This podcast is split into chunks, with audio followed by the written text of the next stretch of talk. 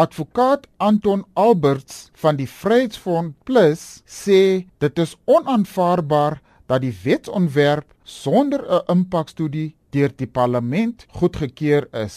Eintlik is die kar vir die perde ingespan want daar word gewoonlik 'n regulatoriese impak studie gedoen. Wet is nou alreeds aanvaar in die nasionale vergadering. Dit beteken die, die komitee het nie sy werk gedoen om te sorg dat daar eers 'n impakstudie gedoen moet word nie. Wanneer ons sê mense gaan seer kry, dan sê ons dit blootheid uit ervaring uit. Ons weet dat die boere gaan seer kry, maar ons weet ook dat daar meer afsettings gaan wees omdat die boere nie onderhewig aan hierdie wet wil wees nie. Albert sê die wetgewing gaan onvoorsiene gevolge hê vir landbou weens die beperkings wat dit plaas op grondeienaars. Daar's goed bedoelde stellings in die wet, maar daar's eintlik onbedoelde gevolge wat daaruit gaan vloei, want dit beperk die eienoomsreg van plaaseienaars nog meer. Plaaseienaars het nou meer verpligtinge wat op hulle geplaas word waar hulle voorheen byvoorbeeld gratis behuising vir mense sou gee, word daar nou regte daarop geplaas deur middel van die wetgewing. Inwoners wat daar bly kan eintlik nou uitbreidings doen op op die behuising. Sien nou um, iemand wil nog 'n kamer aanbou, kan hy 'n uh, kamer aanbou op die plaas sonder dat die boer eintlik iets daaromtrent kan doen. En as daar uitsettings sou plaasvind van mense, dan moet dit in samesprekings gebeur met die stadsraad en daar's 'n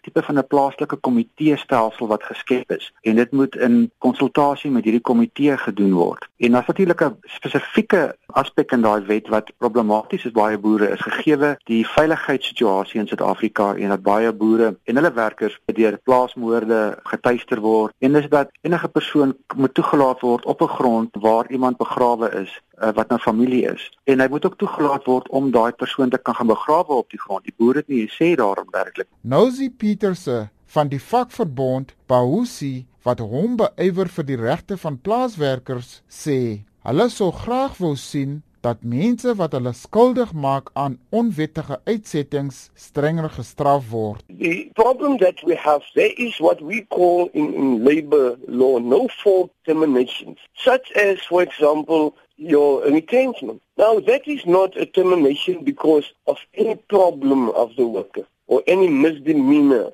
that he, he has been found guilty of. Workers must then, after retrenchment, be served with an eviction notice. We are saying no fault determinations must never qualify for an eviction. Also, what we are saying is that much more heavier sentences must be meted out for illegal evictions without an option of the fine. These farmers must go to jail. We have never heard even about a single farmer that has been sentenced even with a fine for a, a illegal eviction. Volgens Alberts is die beweerde toename in onwettige uitsettings kommerwekkend en onaanvaarbaar. Ek dink baie van onwettige uitsettings het dalk gestyg as daar 'n stygings in die getalle is weens boere se frustrasievlakke. Daar is mense wat ook ongevoelig is. Ons moet dit ook erken. Nie almal is engeltjies nie. Pieterse sê die parlement se goedkeuring van die wetsontwerp sonder die insette van plaaswerkers kan tot spanning lei. We have made inputs at various venues.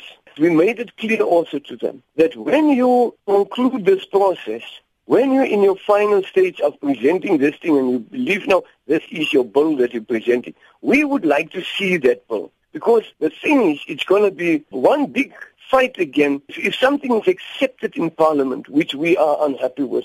Since 2015, when Deputy President Cyril Ramaphosa was here in power and made that plea that there should be a moratorium on evictions, we instead saw an escalation in the number of evictions. Volgens Alberts gaan die wetgewing baie druk op boere plaas. Die Vryheidsfront Plus sê hy gaan president Zuma versoek om nie die wetsontwerp te teken nie omdat geen impakstudie gedoen is nie. Daar's allerlei wette wat gemaak word wat spesifiek gemik is op landbougrond en wat spesifiek daarop gerig is natuurlik om druk op boere te plaas om goed te doen wat eintlik die regering se verantwoordelikheid is. Sodra die wet uiteindelik nou op president Zuma se se tafel beland, sal ons vir hom sê dat die wet eintlik waarskynlik onwettig gaan wees as hy dit gaan teken en hersienbaar in 'n hof sal wees omdat daai proses nie gevolg is nie